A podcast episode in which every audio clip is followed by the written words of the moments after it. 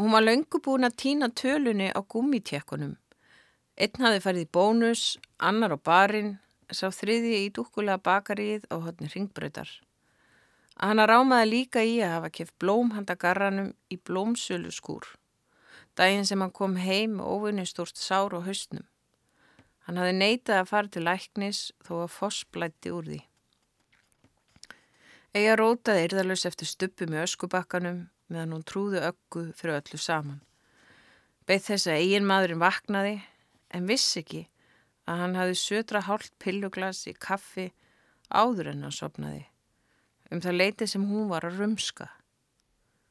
Agga vissi það, en 17 ára töffarar kæft ekki eldri sýstu sína. Þau hefðu spilað skrapp fram að hátægi, hann með köttin á aukslinni og hún nerrandi með kattahárin í nösunum en Akka hafði samt unnið, hún vann alltaf alla í skrabli. Ég veit, sagði ég. Hvað, spurði Akka og lipnaði öll við eins og þegar þær voru litlar og það kviknaði perunni hjá annar eðra líkt og Georgi Gírlösa. Við seljum myndirnur hans. Já, sagði Akka í spentum spurnatón. Hann setti einhverjar í pant á kránni við höfnina svo við hljótum að geta seltar á öðrum börum eða Já, nektadansstanum, þeir þar hljótt að kaupa myndir að berum konum. Hvaða nektadanstað? Bara einum sem ég veit um, sagði ég ábúðafull. Og veistu hvað? Hvað? Við getum farið núna, þá tekst þú kannski að retta peningum strax. Akka bandaði burt rastlun á stofuborðinu, tómu kaffibóllum, kúfum, öskubökkum, bjórdóllum, bókum og glukkapósti meðan eigin á því nýðþunga teknumöppuna. Hún dröslaði forbóðunum gripnum upp á borðið, furðu samvinskulegs í augum sýsturinnar. Þar leistu bandið og opniði möppuna. Við þeim blasti bungi af pennatekningum. Flestar á nögtum konum að gæla við snáka. Ein af dúkubánsa með þrútin böll. Kúl, saði Akka higgandi. Já, samsendi Eija, álíka higgandi. Hann er svo hrifin að fang gogg Akka horfið óræð á eigi þangar til hún bættum betur og sagði að Garri nætti frábæra bókum Van Gogh og bróður hann sem Irving Stone hefði skrifað. Hver er Irving Stone? Eigi gæti ekki svaraði sem hún vissi ekki. Hún vissi bara að bóki var góð, guðmjöl og svo snjáð að það vantaði nokkra síður í hana. En umfram allt góð og nafni bara með sér. Lífsþorsti. Hún hafði tikið lífsþorsta með sér á nætuvakt á öldrunarheimilinu í Þorpinu og sokkið ofan í hana. Líka aðra bók um frumbyggja sem höfnuðu öllum vestrænum nútíma þægindum, það var önnur uppáhaldsbók einmannsins. Sisturnar ösluðt í snjóin með möppin og milli sín. Ef þeim tækist að selja alla myndirnar, væru áhyggjur á sparisjóstjórum, handrukkurum og hungruðum köttum úr sögunni og Akka geti fengið peninga til að kaupa landa fyrir helgina og túnfisk samlokku í fjölbrutinni þó að hún var hægt að mæta ánga nema til að sofa. Náungin sem tók á móti sistrúnum á kontornin sínum mælti þar út með fyrirlitningu. Tvo hauga af hárflóka og kvolpaspiki, vafða inn í lópapissu. Af svipriðunum að dæma var hann aði komin að vísa þeim á dyr þegar það stundu upp erundinu. Myndir aðbaðan upp eftir þeim og kristu augun. Ganski saka ekki að kíkja í skjóðuna fyrst gauja og gokka væri ekki með draumárum að dansa. Málrómurinn var smeðjulegur og hortugur í senn. Að mynd á næturklúpakinni, kliftan út úr bíomindum bannárin í bandaríkjunum, með sleikt hár og refslu augu eftir að hafa kristu saman frá fæðingu. Bananagul skirtan opin í hálsmálið, blöyt í handakrikunum. Hann horfið ekki á þær þegar það settust anspennisonum, heldur starði á stelpu skjátu í kvítum gegsaðum kjól, auksinilega bera að neðan. Hún húkti niður út á kolli og tók við skömmum á ennsku, meðan hann hámaði sér löðrandi feita kjúklingavangi og fletti óþólumóður gegnum öppuna. Skammaði stelpuna, fletti, skammaðist, fletti. Allt ínum staldra hann við. Það kumraði ánægileg í honum. Þær byðu andstuttar. Pýrðu augum bendust aftur að þeim þegar náingin hummaði að hann ætlaði að hugsa málið. Hann slekti fingur og náði sér í annan kjúklingavang. sög kjötið af honum í einum teig. Spurði hvort þar vildu sjá stelpunar sínar flagga sínu fínasta. Já, já, saði Akka svo sakleisislega að það mátti ætla að hann hefði búið um að kíkja frímerkjasafn. Eiginleit undrand á hana sem kýmdi veraldafun. Það borgaði sig að sína þessu manni kurtisi ef það er ætla að fá sínu framkengt. Það er eldan inn í myrkan kema. Hann tók sér gleiða stöðu anspenni sýstrunum og kveikt á ljóskastara. Tíu skínandi sólir glefsuði í augun á þeim. Tíu gullhúðaðar afsteipur að píkum. Hver og ein mert með nafni dansmæjarinnar sem frumgerðin tilherði. Ég sapna list, eins og þið sjáuð, sagðan Rokkin. Þessar gerði vini minn fyrir mig, prívat og persónulega. Ég hef gaman að prívat list, sem tilheri mér einum. Segji mér, hafa einhverjir aðrir keift myndir listamannsins? Eða hnifti öggu að hann mátti ekki fá veður af skiptidílunum á kranni við höfnina. Hún þurfti þess ekki. Yngri sýstrin var alltaf fljótar að hugsa en hún, strax búin að hrista höfuðið, pókerfjesið uppmálað. Lefi mér að hugsa, baða maðurinn í skipuna tón og viðukendi að geta ekki hugsa mitt í allri kvöldaksjóninni. En hann vildi endilega bjóða mig upp prívatans, þarna undir fjólublá og ljóskastaranum. Svo þær fengið upplifa listfengi stúlnana sem kemi híðan og þaðan úr heiminum til að dansa fyrir landan. Þessi fjölhæfi myndlistamæður þurfti nú aldeilis að kynnast þeim. Það er þáðu gott bóð dansinn og tilherrandi heiminblá kóktela með röri.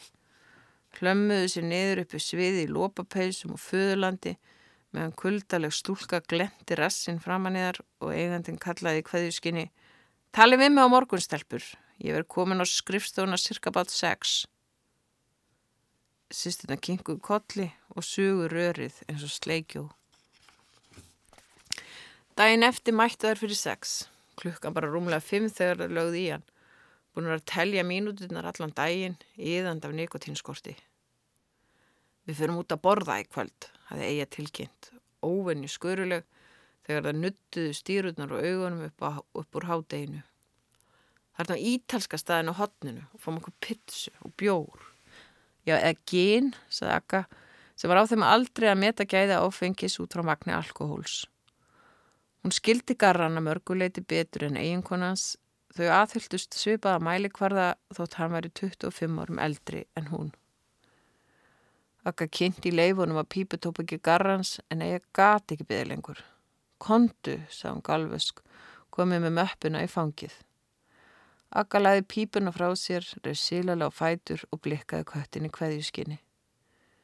Hann mjálmaði ámótlega og kurði sér í keng, svo aðframkominu hungri að frekari sjálfsmarstilraunir voru orðnar honum um megn. Með þessu áframhaldi tæki hungrið af honum ómakið. Vombriðum voru ólýsaleg þegar þrekinn dýraverðu stoppaði þær í dýrónum, samferður um að það veri fjärstaðu kent að þessar bústnu ósjálegu stelpu gálur í heimaprjónuðu peysonum gæti átt fund með yfirmannas. Hann er erlendis, sagði dýraverðurinn og glotti meinhaðinn. Hann getur ekki verið erlendis, hann ætlaði að hitta okkur núna og kaupa okkur myndir. Sjáðu bara, Eija reif af sér snjófröðin vettling, opnaði möppin í flíti og dróði pennatekningu sem létt þegar á sjá í skafræningum. Hvar Erlendis? spurði Akka litla sem létt nú ekki bjóða sér hvaða þvælu sem var. Bara Erlendis? svaraði dýravörurinn með þjósti á þess að láta svo lítið að skoða myndina. Þú lítur að vita hvert, staðhæði hún þrjósk. Fólk getur nú farið til útlanda á hans að pinpointa nákvæmlega hvert andmælti dýraverðurinn og rétt úr sér svo axleitna tvöfölduðust að umfangi, sá hlaut á guffísi meðulinn. Hann var ekkert að fara til útlanda í gær, saði Akka, á þess að gera minnstu tilrönd til að dilja anduð sína á steratröllinu. Hann fór nú samt og nú skulle þið fara heim, geskurnar, áður en mamma að fara að leita ykkur. En hann var að spája að kaupa þessa myndir, stundi ég í örvendingu og potaði gegnblöðri blektekningu framann í dyrravörðin. Bleki rann yfir andlit þristina ljósku með kavlóðu kolof og snák í munnunum. Allt í kringum hann að spruttu píkublóm í fullum blóma. Teiknaninn hefur aukslega haft skárið fyrirsætur en ykkur, hlóð dýraverðurinn, hæst ánaður með eigin orðhefni og skellti dýrunum í lás. Það er myndu eigi á tarrótspili með mynda tveimur vesalingum sem húka út í hríð fyrir framann upplýsta kirkju. Nefna hvað í þessari kirkju voru ekki sungnir lofsöngar, heldur stansaður súludans. Ef við að spá í tarrótt í kvöld, spurði hún okkur. Ég veit ekki um laga, það rætist alltaf allt. Við getum alltaf að fengja okkur te og eftir að kósi, eigi og horfið byggjanda litlusistu sína. Það er ekki til mjölk út í það, sagði hinn og skimaði óþólum á því kringu sig. Förum bara barinn. Við hittum pottið einhvern sem byður okkur í glas. Ég geta ekki akka, byrst eiga sig. Hún fann hvernig mægin olgaði, hjartað hamaðist, sjáöldrun tútnuðu og eirun söðuðu um leið og orðin fossuð út úr henni. Þá var ég að gefa honum slæmt fordæmi. Skilur ekki. Ég verði að fá hann til að fara aftur í meðferð. Akka hnussaði. Þú ætlaði nú að fá því bjór á það. Ég var svöng og það eru næringarefni bjór. Spurðu bara garran, muldraði eiga. Hanna langaði ekki að barinn. Hanna langaði bara til ömmu. Hvernig væri að þær sníktu far með sigga rútubilstur og fengi borða hjá ömmu? Ég, ég ætla að frekar á kaffibarinn, sagði Akka. Kistu ömmu frá mér. Siggi rútubílstöru sá í gegnum fingur við eigi með fargjaldið út á ættartengslinn við öggu. Það var sama hvert frómur flæktist, allstar verið eigi tekið fagnandi fyrir að vera sýstir litlusistu sinnar. Á þessum tíma dags var síðasta stoppstöðunir í sveit, meirinn tíu kílometra frá húsin hennar ömmu. Eigi tók sér gamalkunnuga stöðu við Vesturlandsvegin til að húka far. Kortir í síðar stoppaði prestur og lötu sport og leta hann út við afleikjarna dalnum áður en hann helt áfram vestur á bógin. Hún stóð ein eftir á vegamótunum. Tvær stjörnur tindruðu eða voru þetta gerfinnettir. Vindurum var svo kaldur og hún arkaði stað upp ásana. Niður í gilinu vætlaði áinn, sofandi fiskar fluta fegðarúsi, alla leið út í sjóin sem var fullur af furðufiskum, háköllum og risarækjum, gullskipum og kavbátum, þögtum kuðungum. Hún gekk og gekk. Hverki bólaða bíl. Hún gekk lengra. Vindurinn tálkaði nefis og sveiði slímhúðina. Það heyrðist hljóð. Hljóði kvarf út í myrkrið, stemdi vestur. Upp á hæðinni grilti leifar af herskíli, stundum byggu utangarsmenn í skílinu. Gamli rósabóndin, tengd af aðið liðveldisbarsins, fullirti að þar byggir líka hauslaus hjúgrunarkona af engilsaksnegskum ættum sem settist í aftursæti á bílstjórum í aftakaveðri svo þeir keirðu beinustu leið út í næsta skabl. Það heyrist aftur í bíl. Ljós kviknuðu. Þau færðu snær, stækkuðu. Hún veifaði kvítum vellingi. Jeppi snar hemlaði. Kallin í bílnum líktaði af svína skít og skammaðana fyrir að þvælast þetta út á þjóðveginum í myrkrinu. Hún prílaði upp í farþegarsætið með afsökunar orðum. Hvert þetta fara? reykti kallin út af sér. Hún nefndi bæjanabnið og skemmti sér við að kanna viðbröðin þölvun umskiptum á fólki við að heyra það. Nú, þekkir ekkert þar, nussaði kallin og gringaði á hrissinglum. Henni var hugsað til mömmu sínar sem þóldi ekkert eins ítla og snopp. Snopp er það allra vittlusast af öllu vittlusu, rökk einhver tíman útrinni af sárum samfæringakrafti. Þá hafði hann hort kersknum augum á dóttu sína á þess að hugsa út í staðrendina að hún snoppaði sjálf fyrir fólki sem átti engan samastað í tilvörunni. Þegar það var opið hús fyrir útvaldar örlegabittur og sérvið bringa með sjálfgjaf geðræn vandamál. Ég var heima þar, lög eiga. Nú, bara hjá skaldinu, sagði kallin með útdölunni lotningu. Já, afa mínu, sagði hún, á hans að taka fram að aldra skáldibygginu og spítala. Tryði sér bíltúr upp á dyrum og hjálpaði kallinum að íta bílnum upp á hjólfurunum þegar hann festi sig í heimkerslunni. Falaðist eftir síkarett úr pakkanum á mæla borðinu og fekk tvær. Lofaði að skila þökkum til skáldsins. kveikt í síkaretu. Kissur hann í alvöru, andvarpaði ammennar þegar hún var búin að hella upp á te og skengjaði mér úsnesku teklösin.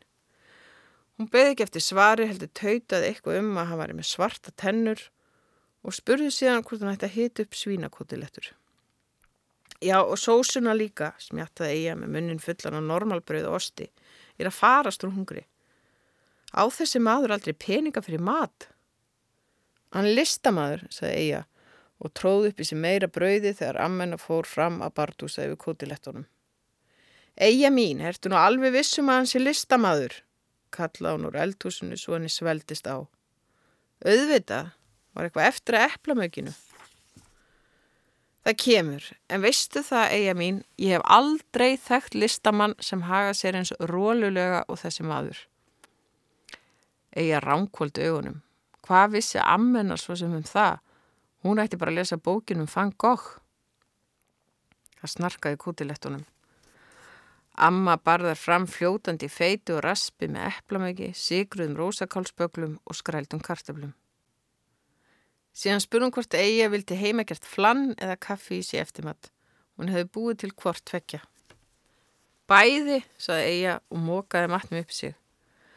Stundakvarnið síðar horfið amma á hann að skóla eftirmatnum niður með góðslösu kóki. Hún söip þegjand og te, þangar til síðasti múlin var horfin að disknum og spurði svo Hvar er hún akka? Í bænum. Vildi hún ekkert koma með? Hún er að læra. Hún er alltaf svo döguleg, hún akka, saði amma, óvenju auðtrúa. Já, hún er að fara í prófi í íslensku, rópaði eiga. Skoa hana, saði amma glöð, þá ætlum ég að senda henni eitthvað gott að borða með þér þegar þú ferð á morgun. Já, og getur þú lána okkur smá pening líka, spurði eiga bara svona 15.000 kannski. Ég skal vita hvað ég á, sagði amma og röldi fram eftir veskinu sínu. En eiga mín, ég er nýbúin að láta ykkur sýstur fá annað eins.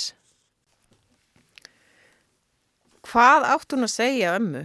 Að launin fyrir símavörsluna á sjónvarstöðinni digði ekki fyrir húsalegu, mat, kattasandi, skuldum, handrukurum, síkaretum, brennivíni og pillum eigimannsins.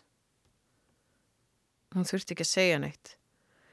Amma réttinni þrjá speil slétta 5.000 krónasæðla. Reyndi að fara vel með þetta, eiga mín, sagði þungri rödu. Og gerðu það fyrir mig að hætta að kissa þennan mann. Hann er ekkert fyrir þig. Eiga brosti blendnu brosti til ömmu sinnar, þakklæti og óþólumæði tókust á í henni.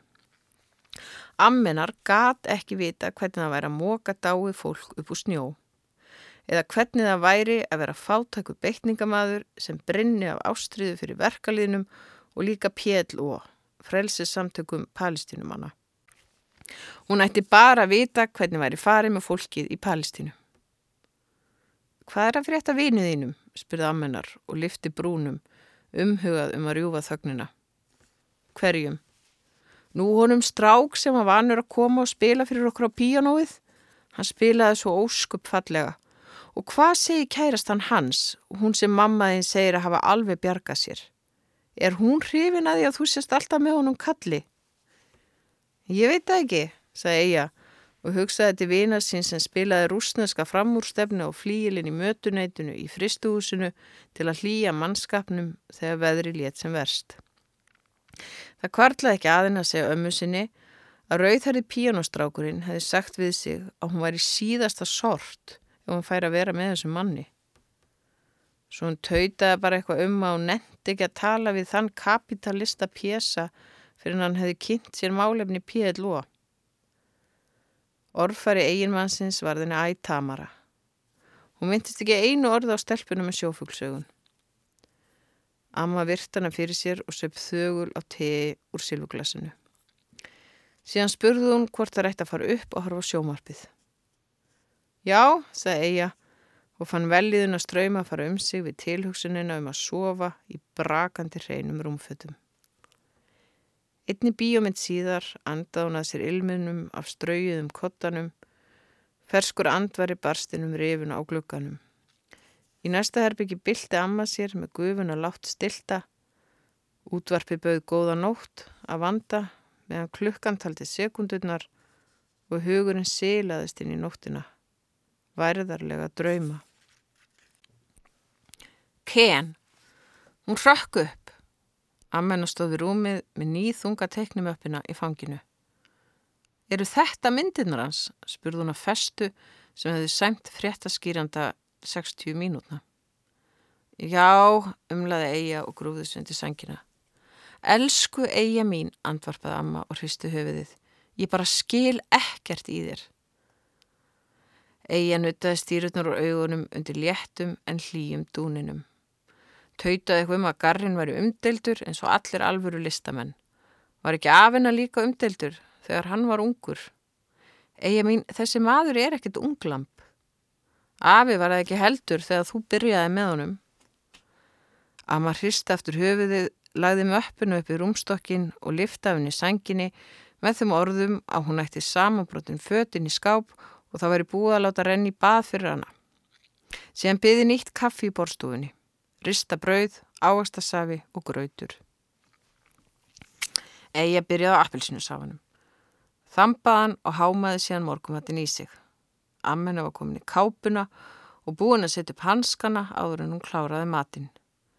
Tilbúin að keira ná rútustöðunanir í sveit þegar Eija hendist í peysu og skó. Hún andaði þessi tæru vetraloftinu. Fjöllum voru kvít og mynd og velsaldalegar konur í vetrafæld af tófu. En út í móanum geðust fölguðlir hólar upp úr snjónum. Það hefði ringt meðan hún svaf. Gamalkunnugur ilmur steg upp á blöydri moldinni sem skreið undan sköplónum í skurðunum við þjóðvegin. Einhvers þar þarna úti var hundurinn hennar að velta sér upp úr drullunni.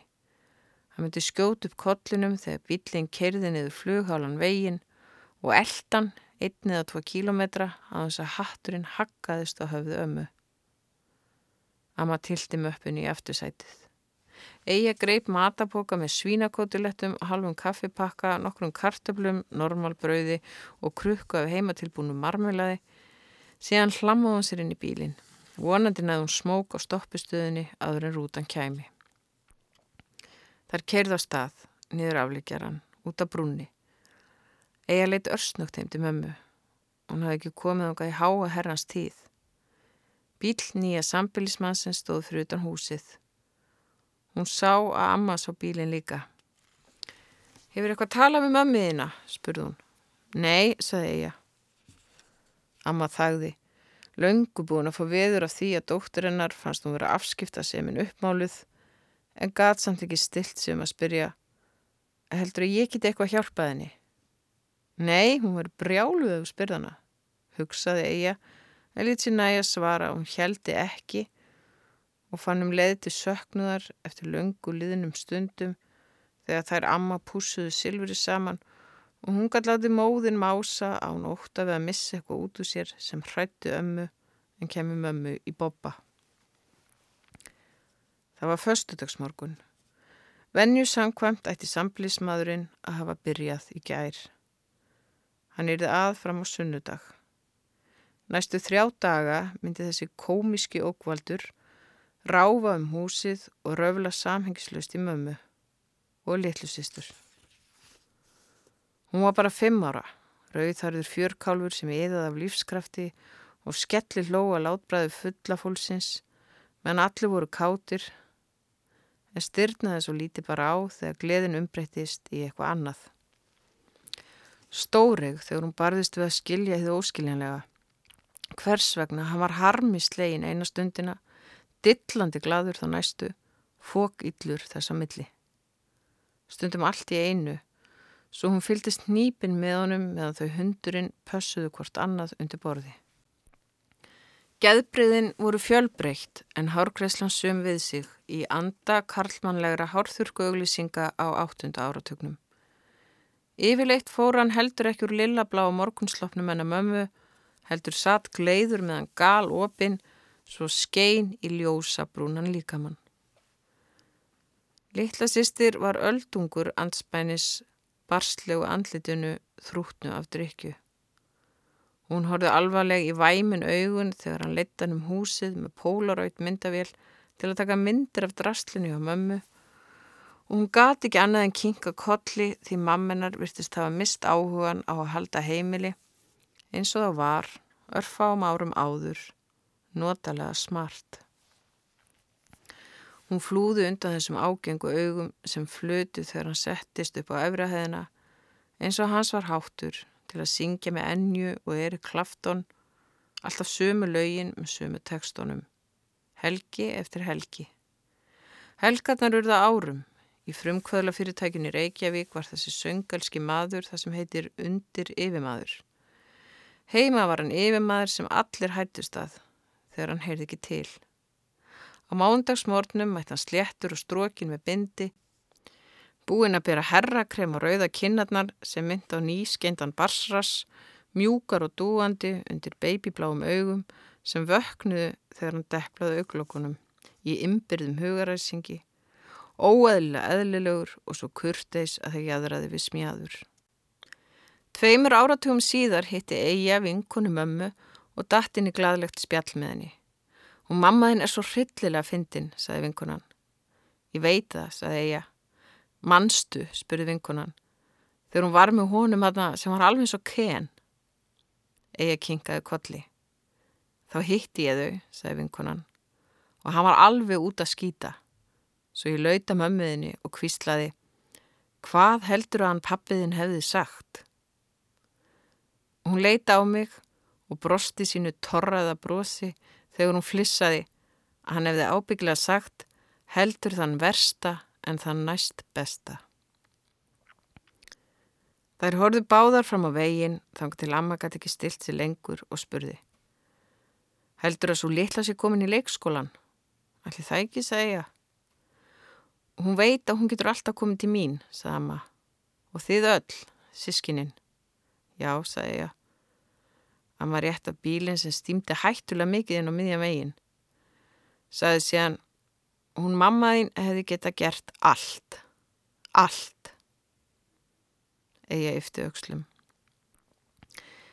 Þegar bílinn staðnæmdist við strætóstöðuna sáttu þær þeigjandu stund. Loksaði amma, eiga mín, ég held alltaf að þið langaði að skrifa. Þú veist að ég er að skrifa sögu, sagði hún en þagnaði þegar leðuklætt hönd greipi upphandligannar og ættmóðurinn sagði Gerðu það bara fyrir mig að dragnast ekki og lengi með það. Ekki bara reykja og hugsa. Kláraðu það sem þú ert að skrifa. Og skrifaðu líki blöðin. Það er miklu betur en að tala endalust í síman um sjónvárstæki við fólk sem þú þekkir ekkert. Skrifaðu. Já. Og hættu síðan að reykja. Já og láttu mig vita ég á strau eitthvað af þér. Já, og segðinu öggu að koma með lópapeisuna sína til mín svo ég geti lagað hana.